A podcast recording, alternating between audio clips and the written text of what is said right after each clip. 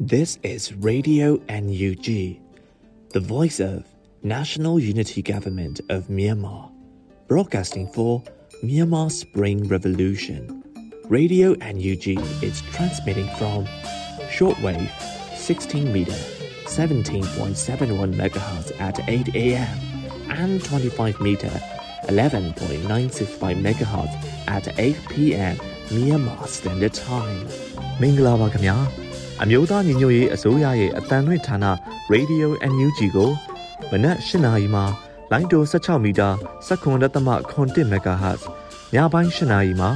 လိုင်းတို25မီတာ17.665 MHz တို့မှာဓာတ်ရိုက်ဖမ်းယူနားဆင်နိုင်ပါပြီ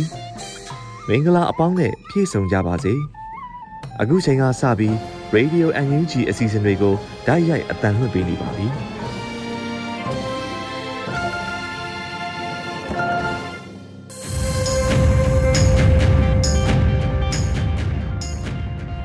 မြန်မာနိုင်ငံသူနိုင်ငံသားအပေါင်းတဘာဝပင်စစ်အာဏာရှင်ဘေးတို့ကနေကင်းဝေးပြီးကိုစိတ်နှပါကျမ်းမာလုံခြုံကြပါစေလို့ရေဒီယိုအန်ယူဂျီအဖွဲ့သားများကဆုတောင်းမေတ္တာပို့သလာရပါတယ်ရှင်။အခုချိန်မှစပြီးကာကွယ်ဝိညာဉ်ဌာနမှထုတ်ဝေသောစစ်ရေးတရေအကျဉ်းချုပ်ကိုတင်ဆက်ပေးသွားမှာဖြစ်ပါတယ်ရှင်။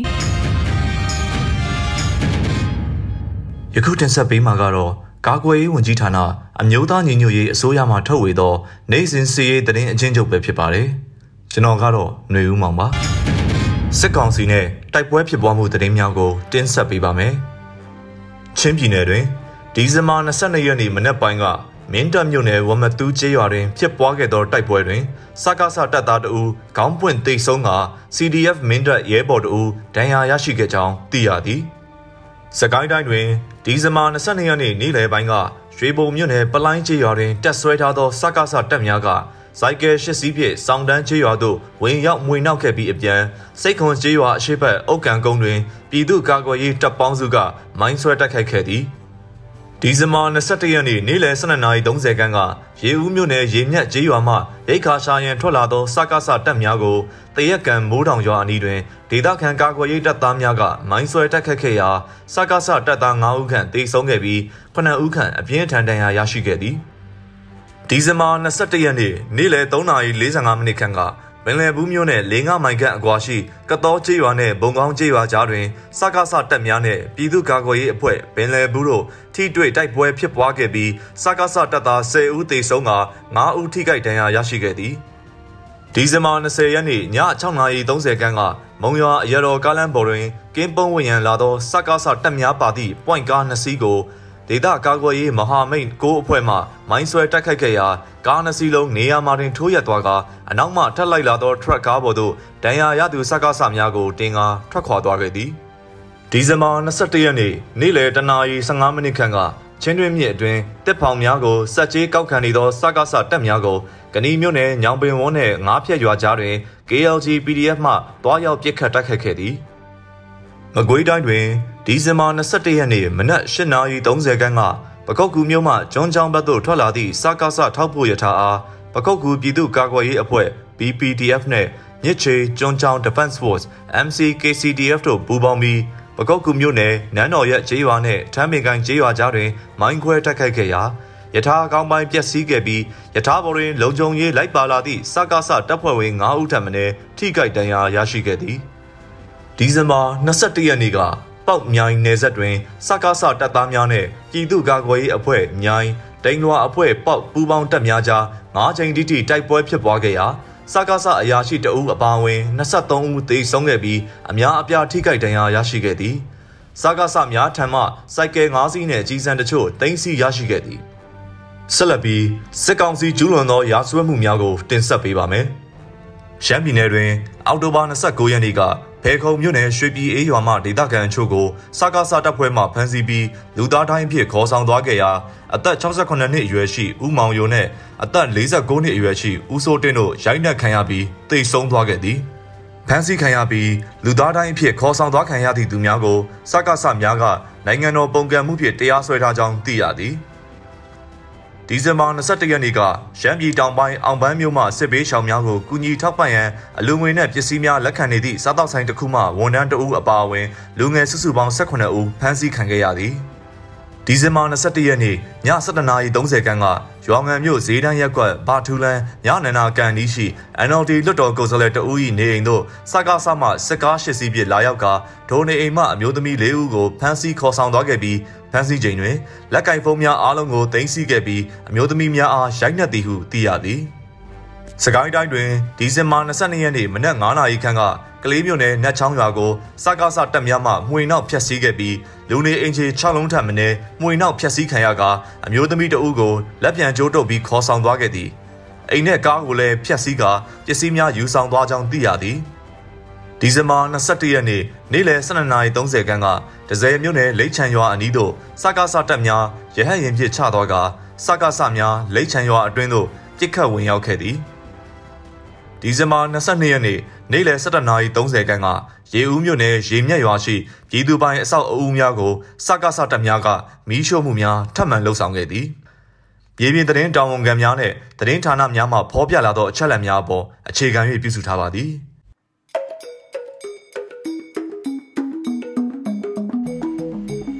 ရေဒီယို NUG မှာဆက်လက်အသံလွှင့်နေပါတယ်။အခုဆက်လက်ပြီးပြည်တွင်းသတင်းများကိုမတ်အဲရီမှတင်ဆက်ပေးမှာဖြစ်ပါတယ်ရှင်။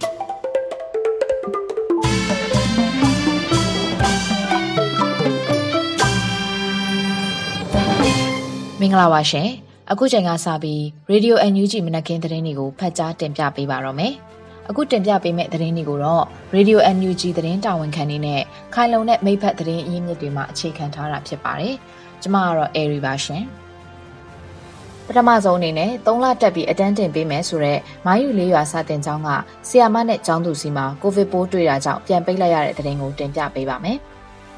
ရှမ်းပြည်နယ်မြောက်ပိုင်းကုတ်ခိုင်မြို့နယ်မိုင်းယူလေးကျေးရွာမှာဖွင့်လှစ်တဲ့စာတင်ကျောင်းမှာ ကိုဗစ်ပိုးတွေ့ရှိတာကြောင့်ပြီးခဲ့တဲ့ဒီဇင်ဘာလ18ရက်မှာပြန်ပိတ်လိုက်ရတယ်လို့ဒေသခံတွေကပြောပါတယ်။ဆီယမတအူးနဲ့ចောင်းသူတအူးစီမှာကိုဗစ်ပိုးတွေ့ရှိတာအပြင်ရွာအတွင်းမှာလည်းကိုဗစ်ပိုးကူးစက်မှုများပြားနေတာကြောင့်ပိတ်လိုက်တာလို့ရွာကန်အမျိုးသမီးတအူးကပြောပါတယ်။သုံးလအတွင်းနဲ့ကလေးတွေကိုစာတက်မြောက်အောင်တင် जा ပေးမယ်ဆိုတဲ့အပေါ်ထိရောက်မှုမရှိနိုင်ဘူးလို့လည်းចောင်းသားမိဘတအူးကသုံးသပ်ပြောဆိုပါတယ်။စာတင်ကျောင်းတွေမှာဘုံပေါက်တာတို့ကြတော့ကျမတို့လည်းစိုးရိမ်နေ ၃လအတွင်းနဲ့ကလေးတွေကိုအတက်တင်နိုင်မယ်ဆိုတာမျိုးလည်းမဖြစ်နိုင်ပါဘူးဒါပေမဲ့ကျောင်းဖွင့်တော့ကလေးတွေကသွားကျင်ကြတာလေဆိုတော့သွားအပ်ကြတာပေါ့အဲ့ဒီကျောင်းမှာမိုင်းယူလေးကျေးရွာအုပ်စုတွေကနမ်ခိုင်ပန်လောဟိုခိုလွယ်လိုက်ကုန်းစုံနဲ့လွယ်ပေါင်းစတဲ့ကျေးရွာကကျောင်းသားကျောင်းသူတွေတက်ရောက်ကြပြီးကျောင်းတက်သူဦးရေ900လောက်ရှိတယ်လို့ပြောပါတယ်မိုင်းယူလေးအလဲတန်းကျောင်းကိုဒီဇင်ဘာလ6ရက်နေ့မှာစတင်ဖွင့်လှစ်ခဲ့ရကနေကျောင်းဖွင့်ပြီး10ရက်ကျော်အကြာမှာပဲအခုလိုပြန်ပိတ်လိုက်ရတာပါ။ ကုတ်ခိုင်မြို့ပေါ်မှာရှိတဲ့စစ်ကောင်စီလက်အောက်ခံစာတင်ကျောင်းတွေကိုဒီဇင်ဘာလ၁ရက်မှာစတင်ဖွင့်လှစ်ခဲ့တာဖြစ်ပြီးကျေးရွာပိုင်းမှာရှိတဲ့ကျောင်းတော်တော်များများကိုတော့ပိတ်ထားရဆဲဖြစ်တယ်လို့သိရပါတယ်ရှင်။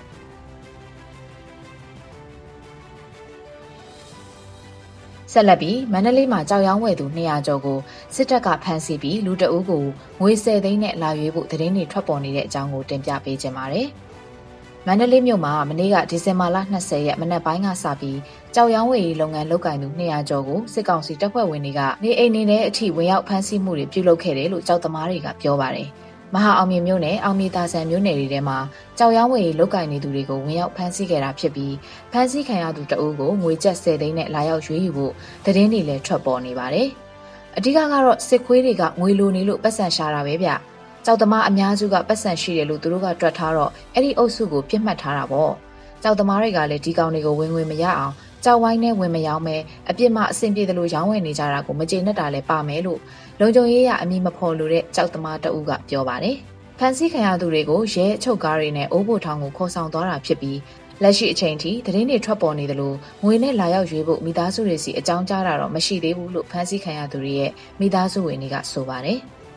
မဟာအောင်မြင်မြို့နယ်ကြောက်ဝိုင်းဟာကိုဗစ်ရောဂါကြောင့်ကာလအတန်ကြာပိတ်ထားခဲ့ရပြီးကြောက်သမားတွေဟာကြောက်ဝိုင်းအပြင်ဘက်မှာရောင်းဝယ်မှုတွေပြုလုပ်နေခဲ့ရက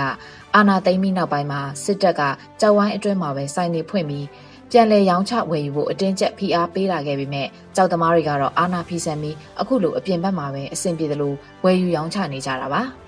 မဟာအောင်မြေကြောင်မြတ်ရတနာရောင်းဝယ်ရေးဈေးဟာမြန်မာနိုင်ငံမှာအကြီးဆုံးကြောင်မြတ်ရတနာရောင်းဝယ်ရေးဈေးတစ်ခုဖြစ်ပြီး အဲ့ဒီကြောက်ဝိုင်းကိုမိကိုလောက်ကင်နေသူလူပေါင်းတသိန်းခွဲဝန်းကျင်ထိရှိတယ်လို့သိရပါတယ်။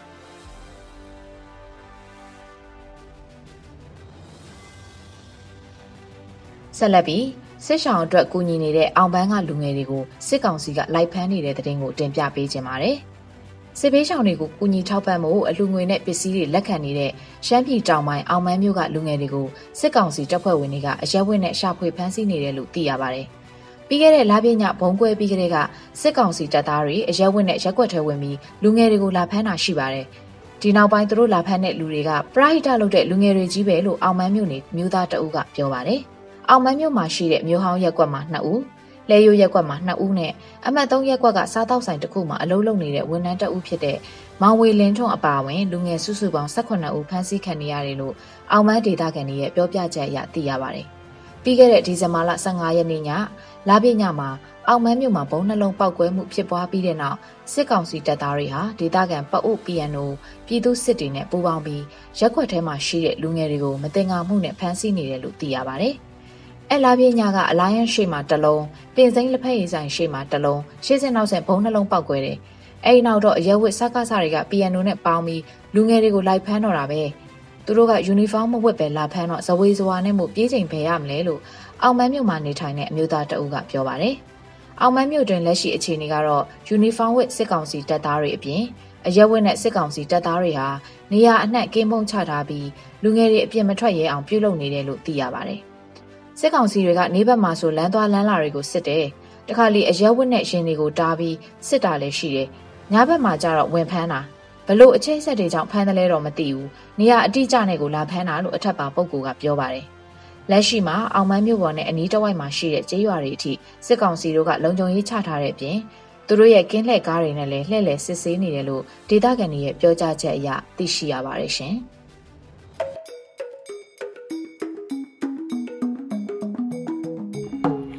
Radio NUG မှာဆက်လက်အသံလွှင့်နေပါတယ်။အခုဆက်လက်ပြီး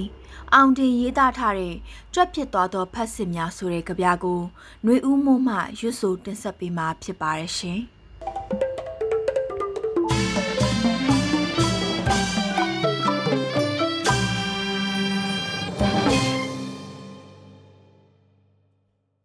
မင်္ဂလာပါခင်ဗျာ။ကြပြဆရာအောင်တင်တည်ကုန်းထားတဲ့ကြွက်ဖြစ်သွားသောဖတ်စစ်များဆိုတဲ့ကြပြကိုရွတ်ဖတ်သွားမှာဖြစ်ပါတယ်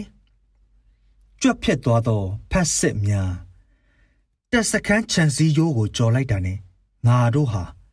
ရန်သူနေမီမှာပြည်သူတွေရဲ့မျက်လုံးတွေကအမုန်းတရားတွေနဲ့ငါတို့ကိုစိုက်ကြည့်နေကြ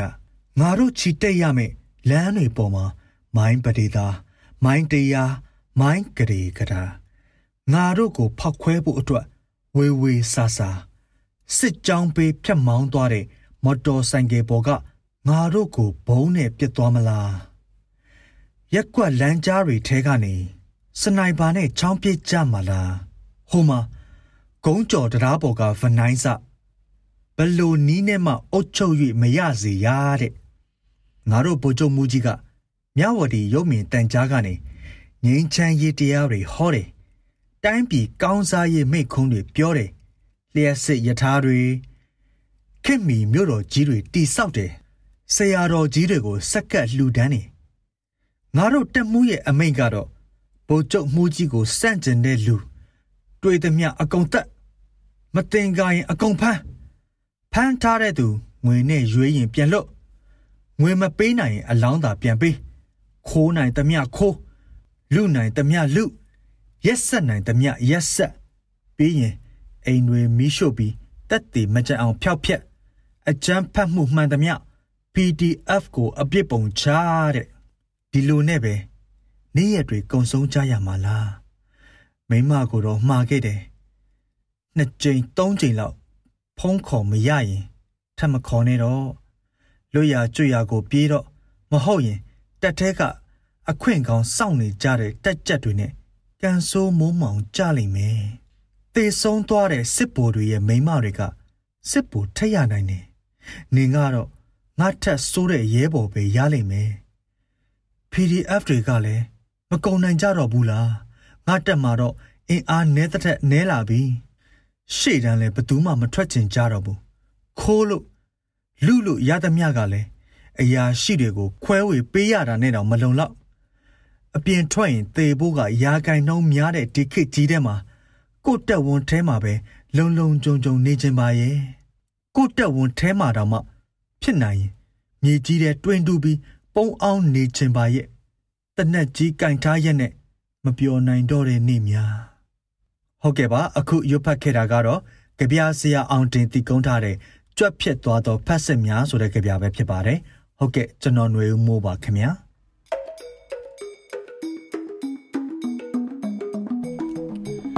ရေဒီယိုအန်ယူတီမှာဆက်လက်အသံလွှင့်နေပါတယ်။အခုဆက်လက်ပြီးပြည်သူတိုက်ပွဲသတင်းများကိုကျော်ຫນွေဦးမှတင်ဆက်ပေးမှာဖြစ်ပါတယ်ရှင်။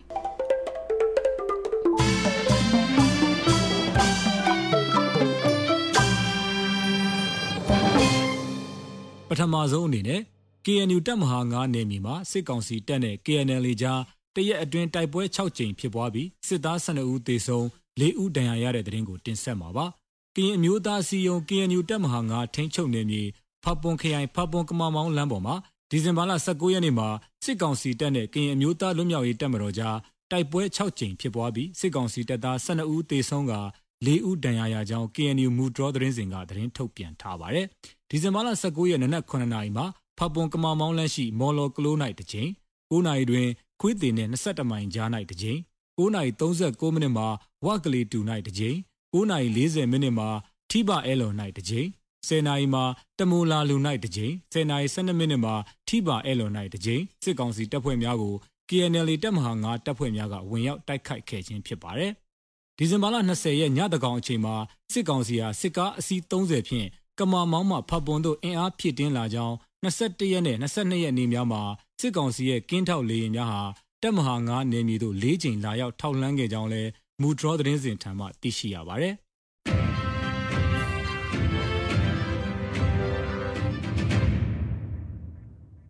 ဆက်လက်ပြီးဒဂုံစိတ်ကမ်းမြို့နယ်ရဲစခန်းဘုံပစ်တိုက်ခိုက်ခံရတဲ့တဲ့ရင်ကိုတင်ဆက်မှာပါဒီကနေ့ဒီဇင်ဘာလ22ရက်မနက်အစောပိုင်း6နာရီလောက်မှာပဲရန်ကုန်တိုင်းဒဂုံမြို့သစ်စိတ်ကမ်းမြို့နယ်ရဲစခန်းကိုဘုံဖြင့်တိုက်ခိုက်မှုဖြစ်ပွားပြီးပြစ်ခတ်မှုတွေလည်းဖြစ်ပေါ်ခဲ့တယ်လို့သိရပါတယ်အဆိုပါတိုက်ခိုက်မှုကြောင့်ရဲစခန်းထဲမှာရှိနေတဲ့စစ်ကောင်စီတပ်ဖွဲ့ဝင်ရှိုင်းကို ဒဏ်ရာပြင်းထန်စွာရခဲ့ပြီးနောက်ထပ်2ဦးလည်းထိခိုက်ခဲ့တယ်လို့သိရပါတယ်တိုက်ခိုက်မှုဖြစ်ပြီးနောက်ပိုင်းဖြတ်သွားဖြတ်လာပြည်သူတွေကိုစစ်ကောင်စီကဖမ်းဆီးလာနိုင်တာကြောင့်ဒဂုံစိတ်ကမ်းမြို့နယ်အတွင်းဂတိထားသွားလာကြဖို့ဒေသခံတွေကတိုက်တွန်းထားပါတယ်။အဆိုပါဒဂုံစိတ်ကမ်းမြို့နယ်ရဲစခန်းဟာယမနေ့ကပဲမြို့နယ်ထဲရှိရက်ကွက်များအတွင်းလှည့်လည်ပြီးလက်နက်များအပ်ကြဖို့လော့စပီကာနဲ့အော်သွားသေးတယ်လို့ဒေသခံတွေကဆိုပါတယ်။အထက်ပါတိုက်ခိုက်မှုနဲ့ပတ်သက်ပြီးယနေ့ဒဂုံစိတ်ကမ်းမြို့နယ်ပဲခူးလမ်းမကြီးပေါ်ရှိဒဂုံစိတ်ကမ်းရဲစခန်းကို Area 21၏မိဖက်ညီနောင်များဖြစ်သောမိမိတို့ CGF HTY နှင့်ရန်ကုန် Federal Army YFA တို့ပူးပေါင်းက M79 40mm ဘုံသီးနှလုံးပစ်ခတ်ခဲ့ပြီးရဲ3ယောက်တေဆုံးကထိခိုက်မှုများကြောင်း PDF ရဲဘော်များထိခိုက်မှုမရှိဘဲအောင်မြင်စွာဆုတ်ခွာခဲ့ကြောင်းထုတ်ပြန်ထားပါတယ်။အဆိုပါတိုက်ခိုက်မှုဟာရန်ကုန်တိုင်းစစ်ဒေသခွဲကုတ်ကဲရေးအဖွဲ့၏ဗျံလွှားအောင်စစ်စင်ရေးတစိမ့်တစ်ပိုင်းဖြစ်ပြီးစစ်အာဏာရှင်အားအမြင့်ပြတ်သည့်အထိဆက်လက်တိုက်ခိုက်သွားမည်ဖြစ်ကြောင်း CGF HDY ကထုတ်ပြန်ထားပါတယ်။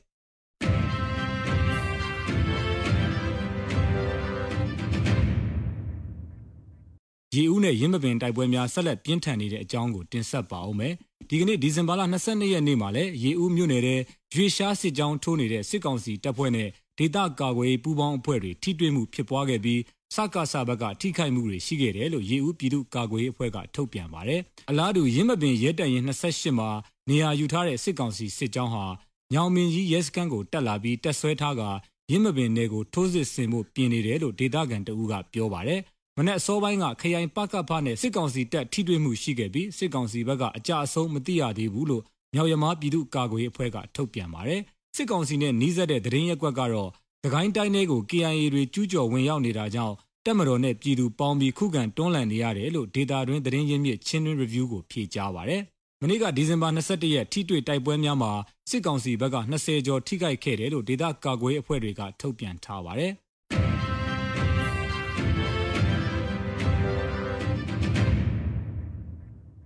နောက်ဆုံးအနေနဲ့အမျိုးသားညီညွတ်ရေးအစိုးရပြည်ထရေးနဲ့လူဝင်မှုကြီးကြပ်ရေးဝန်ကြီးဌာနကဒီဇင်ဘာလ22ရက်ရက်စွဲနဲ့ထုတ်ပြန်တဲ့ပြည်သူ့ခုခံတော်လှန်စစ်တရင်အချက်လက်တွေကိုတင်ဆက်ပေးသွားမှာပါ။အာနာသိန်းအကြမ်းဖက်စီအုပ်စုရဲ့ပြည်သူလူထုအပေါ်အကြမ်းဖက်ဖိနှိပ်ဖန်ဆီး တိုက်ခိုက်တပ်ဖြတ်နေမှုများကိုပြည်သူလူထုတရက်လုံးကအသက်ရှင်တန်ရေးအတွက်မိမိကိုယ်ကိုမိမိခုခံကာကွယ်ပိုင်ခွင့်အရာပြည်သူခုခံစစ် People's Defensive War ကိုဆင်နွှဲလျက်ရှိပါတယ်။တရင်အချက်လက်များအရ21ရက်12လ2021ရက်နေ့မှာစစ်ကောင်စီတပ်ဖွဲ့ဝင်63ဦးသေဆုံးပြီးထိခိုက်ဒဏ်ရာရရှိသူ18ဦးအထိခုခံတိုက်ခိုက်နိုင်ခဲ့ပါတယ်။စစ်အာဏာရှင်စနစ်မြမမျိုးပေါ်ကအပြီးတိုင်ချုပ်ငြိမ်းရေးနဲ့ Federal Democracy တိဆောက်ရေးအတွက်ငြိမ်းချမ်းစွာဆန္ဒပြတဲ့လူထုတပိတ်တိုက်ပွဲများက ပြည်내နဲ့တိုင်းဒေသကြီးများမှာဆက်လက်ဖြစ်ပွားပေါ်ပေါက်လျက်ရှိပါတယ်။မြေပြင်မှာတော့ယခုတွေ့ရတဲ့သတင်းအချက်အလက်များထက်ပို၍ဖြစ်ပွားနိုင်ပါတယ်ခင်ဗျာ။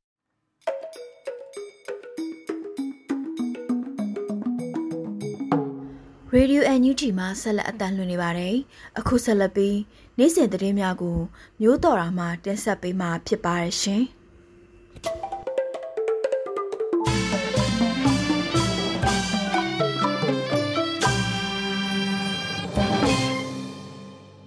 အခုပထမဆုံးအနေနဲ့အမျိုးသားညီညွတ်ရေးအစိုးရဝန်ကြီးချုပ်ရုံးကကရင်ပြည်နယ်ထိုင်းမြန်မာနယ်ဆက်ရောက်စစ်ပေးရှောင်တွေအတွက်အရေးပေါ်လိုအပ်ချက်တွေကူညီထောက်ပံ့နေတဲ့သတင်းကိုတင်ဆက်ပေးချင်ပါတယ်။ကရင်ပြည်နယ်လေးကီကောဒေသမှာအကြမ်းဖက်စစ်ကောင်စီတပ်တွေနဲ့ KNLA PTF ပူးပေါင်းတပ်တွေအကြားဖြစ်ပွားနေတဲ့တိုက်ပွဲတွေကြောင့်တောင်ရင်မြစ်ကိုဖျက်ကူးကထိုင်းနိုင်ငံဘက်သို့ထွက်ပြေးတိမ်းရှောင်နေရသူပြည်သူဦးရေဟာတစ်နေ့ထက်တစ်နေ့များပြားလျက်ရှိနေပါတယ်။ ထို့သောစပေးလွတ်မြောက်ထွက်ပြေးတိမ်းရှောင်နေကြရတဲ့ပြည်သူတွေအတွက်လိုအပ်ချက်များကို ဖြည့်ဆည်းပေးနိုင်ဖို့အမျိုးသားညီညွတ်ရေးအစိုးရတိုင်းရင်းသားညီနောင်တွေနဲ့လူမှုအခြေပြုအဖွဲ့အစည်းများစွာကကြိုးပမ်းဆောင်ရွက်လျက်ရှိကြပါတယ်။ဒီနေ့ဒီဇင်ဘာလ22ရက်နေ့မှာဆိုရင်လေကုညီထောက်ပံ့မှုရဲ့တစိတ်တစ်ပိုင်းအဖြစ်ထိုင်းမြန်မာနယ်ဆက်ရှိမဲကော်ကင်းစစ်ပေးရှောင်စခန်းကစစ်ပေးရှောင်လာသူ1500ကျော်ကိုအမျိုးသားညီညွတ်ရေးအစိုးရဝန်ကြီးချုပ်ရုံးက အရေးပေါ်လိုအပ်တဲ့အသုံးအဆောင်တွေကိုသွားရောက်လှူဒန်းခဲ့တယ်လို့သိရပါတယ်။နောက်ရက်တွေမှာလည်းအမျိုးသားညီညွတ်ရေးအစိုးရလူသားချင်းစာနာထောက်ထားရေးနဲ့ဘေးအန္တရာယ်ဆိုင်ရာစီမံခန့်ခွဲရေးဝန်ကြီးဌာနရဲ့ထောက်ပံ့ကူညီမှုတွေထပ်မံရောက်ရှိအောင်မှာဖြစ်တယ်လို့သိရပါတယ်။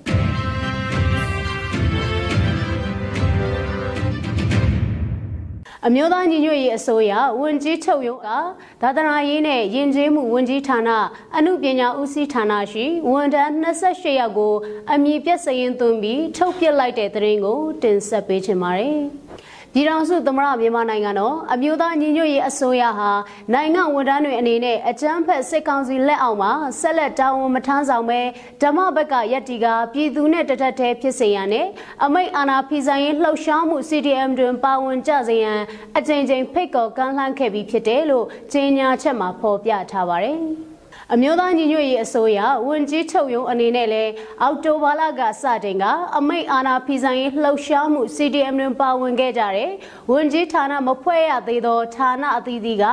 နိုင်ငံဝန်ထမ်းသူရဲကောင်းတွေရဲ့လူမှုဖူလုံရေးလုံခြုံပေးကင်းရေးဖိအားကင်းစေရေးတို့အတွက်အလေးထားဆောင်ရွက်လျက်ရှိသလိုတရားမဝင်အာဏာသိမ်းစစ်ကောင်စီရဲ့လက်အောက်မှာဆက်လက်တာဝန်ထမ်းဆောင်နေပြီး CDM ဝန်ထမ်းတွေကိုဖိအားပေးခြင်းချင်းချောက်ခြင်းရာထူးမှထုတ်ပြခြင်းဝန်ထမ်းအဖြစ်မှထုတ်ပြခြင်းတရားစွဲဆိုခြင်းနဲ့ဥပဒေနဲ့အညီပြန်ဆက်ရမလို့တော့တဲ့လစာချင်းငွေတွေကိုအတင်းအတ္တမပြန်လဲပေးဆက်ခိုင်းခြင်းစတဲ့ဖိနှိပ်မှုတွေကိုကျူးလွန်နေကြတဲ့ဝန်ထမ်းဆိုးတွေကိုလည်းအမိပြက်စရင်သွင်းပြီးထုတ်ပြသောလုပ်ငန်းစဉ်ကိုလှုပ်ဆောင်လက်ရှိတယ်လို့သိရပါတယ်။ အခုလည်းအဲ့ဒီလုပ်ငန်းစဉ်တိုင်းသာသနာရေးနဲ့ယဉ်ကျေးမှုဝန်ကြီးဌာနအမှုပညာဦးစီးဌာနလက်အောက်ကဝန်ထမ်းစုံ28ဦးကိုအမည်ပြည့်စရင်သွင်းလိုက်ပြီးဝန်ထမ်းအဖြစ်မှထုတ်ပစ်လိုက်တယ်လို့ကြေညာလိုက်တာဖြစ်ပါတယ်။ထုတ်ပစ်ခံရတဲ့ဝန်ထမ်းတွေထဲမှာဒုတိယညွှန်ကြားရေးမှူး၄ဦးလက်ထောက်ညွှန်ကြားရေးမှူး10ဦးဦးစီးအရာရှိ12ဦးနဲ့ကျောင်းအုပ်2ဦးပါဝင်တာကိုတွေ့ရပါတယ်။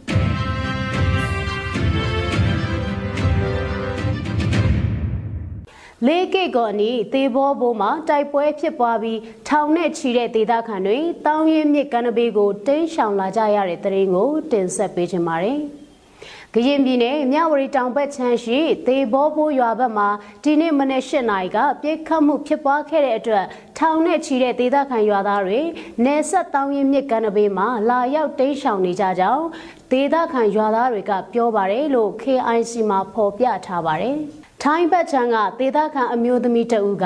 8နာရီ9မိနစ်မှာစပစ်တာ8နာရီ35မိနစ်အထိပစ်တယ်ထိုင်းဘက်ချမ်းမှာလာကြတာရှိတယ်အခုတော့ထိုင်းဘက်ချမ်းကရွာသားတွေလည်းရှောင်သွားတာရှိတယ်သေဘောဘိုးရွာသားတွေကတော့ဂန်နဘေးမှာအလုံးအရင်နဲ့ပဲရောက်ချလာတယ်ကူးဘိုးကသူများခွင့်မပြုတော့အဲ့မှာစောင့်ဆိုင်နေကြရတယ်လို့သူမကပြောပါတယ် သေဘောဘိုးစကန်ရှိစစ်ကောင်စီတပ်ဖွဲ့ကိုကရင်လက်နက်ကိုင်တော်လှန်ရေးအဖွဲ့တွေကသွားရောက်ဝိုင်းဝန်းပိတ်ဆို့ထားရမှာစစ်ကောင်စီကကျေးရွာဘက်ကိုလက်နက်ကြီးတွေနဲ့အဆက်မပြတ်ပစ်ခတ်မှုလှုံ့ဆော်ခဲ့တယ်လို့ဒေသသတင်းအရင်းမြစ်တွေကဆိုပါရယ်ဒီနေ့မနေ့သေဘောဘိုးတိုက်ပွဲကြောင့်သေဘောဘိုးဒေသအတွင်းရှိကျေးရွာ၁၀ရွာလောက်ကဒေသခံရွာသား2000ကျော်တောင်းရင်မြစ်ကမ်းနဖူးကို ရောက်ရှိလာပြီးအများစုကကလေးငယ်တွေဖြစ်တယ်လို့သိရပါရယ် ကလေးအသုံးဆောင်များအစားတောက်တဲ့စေဝါတွေအရေးပေါ်လိုအပ်နေတယ်လို့ကူညီကယ်ဆယ်ရေးအဖွဲ့တွေကပြောပါရယ်တေဘောဘိုးတေတာမှာတိုက်ပွဲဖြစ်ပွားနေတာကြောင့်ဖလူးဘက်ကနေစုံစည်းမြိုင်ဘက်ကိုရှောင်နေတဲ့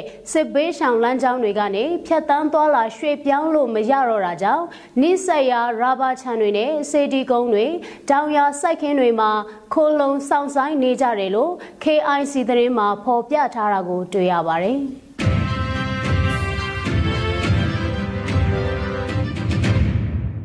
မြန်မာနိုင်ငံတဝန်းကလူမျိုးပေါင်းစုံဘာသာပေါင်းစုံပါဝင်တဲ့စစ်အာဏာရှင်အမြင့်ပြတ်ချင်းမုံရင်လူထုဆန္ဒပြပွဲသတင်းတွေကိုစူးစီးတင်ဆက်ပေးမှာဖြစ်ပါတယ်။ စကိုင်းတိုင်းလက်ပတောင်းတောင်ဒေသပင်မတပိတ်စစ်ကြောင်းနဲ့မုံရွာတက္ကသိုလ်ကျောင်းသားများသမက်ကတို့ပူးပေါင်းပြီးဘိုးအောင်ကျော့ဟန်ဘိုးအောင်ကျော့မှန်နဲ့အစုံးသတ်လွတ်မြောက်ရေးတို့ချီတက်ဆိုတဲ့စာရန်နဲ့အတူအာနာရှင်ကိုအစုံးထိတိုက်ပွဲဝင်ပေးကြဖို့လူထုကိုနှိုးဆော်ရင်ချီတက်ဆန္ဒပြခဲ့ကြပါတယ်။စကိုင်းတိုင်းရေမပင်အရှိချမ်းနဲ့စလင်းကြီးမြောက်ချမ်းရွာပေါင်းစုံတပိတ်289ရက်မြောက်နေ့အဖြစ်စစ်ရှောင်းဒုက္ခအစုံသတ်ဖို့ PDF နဲ့အတူတော်လှန်ဆို့ဆိုတဲ့စာရန်ကင်ဆောင်ပြီးကျေးရွာတွင်ချီတက်ဆန္ဒပြခဲ့ကြပါတယ်။စကိုင်းတိုင်းရင်းမာပင်မြို့နယ်စုံချောင်းကျေးရွာကတောလှန်ပြည်သူတွေဟာစစ်အာဏာရှင်အမြင့်ပြတ်ချင်းမုံရေးမိတုပ်တွေကင်ဆောင်ပြီးအာယုံဦးတပိတ်ဆင်နွှဲခဲ့ကြပါတယ်။စကိုင်းတိုင်းရွှေဘုံမြို့နယ်ကျေးရွာတရွာကတော်လှန်ပြည်သူတွေဟာ Federal Democracy ရရှိရေးဖန်ဆီးထားတဲ့ចောင်းသားပြည်သူတွေပြန်လည်လွတ်မြောက်ရေးစစ်အာဏာရှင်ကြရှုံးရေးချီတက်ဆန္ဒပြခဲ့ကြပါတယ်။စကိုင်းတိုင်းဒေသကြီးရင်းမာပင်အရှိချမ်းနဲ့ဘိန်းရွယ်ချောင်းကျေးရွာကသွေးမအေးတဲ့ရွှေရွယ်တွေတပိတ်စစ်ကြောင်းရဲ့စစ်အာဏာရှင်စန့်ကျင်ရေး249ရက်မြောက်နေ့အဖြစ်ကျေးရွာတွင်လှည့်လည်ဆန္ဒပြခဲ့ကြပါတယ်။ ရန်ကုန်မြို့တနေရာမှာမြို့နယ်ပေါင်းစုံကအခြေခံပညာကျောင်းသားများသမဂ္ဂဘာကာသများအဖွဲ့ချုပ်နဲ့လူထုအခြေပြုအထွေထွေတပိတ်ကော်မတီတို့ပူးပေါင်းပြီးကျောင်းသားပြည်သူပေါင်းလို့စစ်အာဏာရှင်စနစ်ကိုအမြင့်ဖြတ်ခြင်းမုံဆိုဘိုးအောင်ကျော်စိတ်တက်ကင်ဆွဲတိုက်ပွဲဝင်ကြဆိုဆိုတဲ့စာရန်ကင်ဆောင်ပြီးခြီတက်ဆန္ဒပြခဲ့ကြပါတယ်။ကမ္ဘာဆန္ဒပြပွဲသတင်းအနေနဲ့တောင်ကိုရီးယားနိုင်ငံကယောင်ကျူးမြို့မှာဒုံဂျီနေ့လို့ခေါ်တဲ့ရိုးရာကရော့ပွဲနေ့မှာဒေကူပုံပုံဥဆောင်တဲ့တောင်ကိုရီးယားရောက်မြန်မာတွေစုပေါင်းပြီးအာနာသိန်းစစ်ကောင်စီလက်ချက်ကြောင့်ကြာဆုံးသွားခဲ့တဲ့သူရဲကောင်းတွေကိုဂုံပြုစုတောင်းပွဲကျင်းပခဲ့ပါတယ်။ ဒါကတော့ဒီဇင်ဘာလ22ရက်နေ့စစ်အာဏာရှင်အမြင့်ဖြတ်ချင်းမုံရေးလူထုဆန္ဒပြပွဲသတင်းတွေကိုစူးစီးတင်ဆက်ပေးခဲ့တာဖြစ်ပါတယ်။ကျေးဇူးတင်ပါတယ်ရှင်။။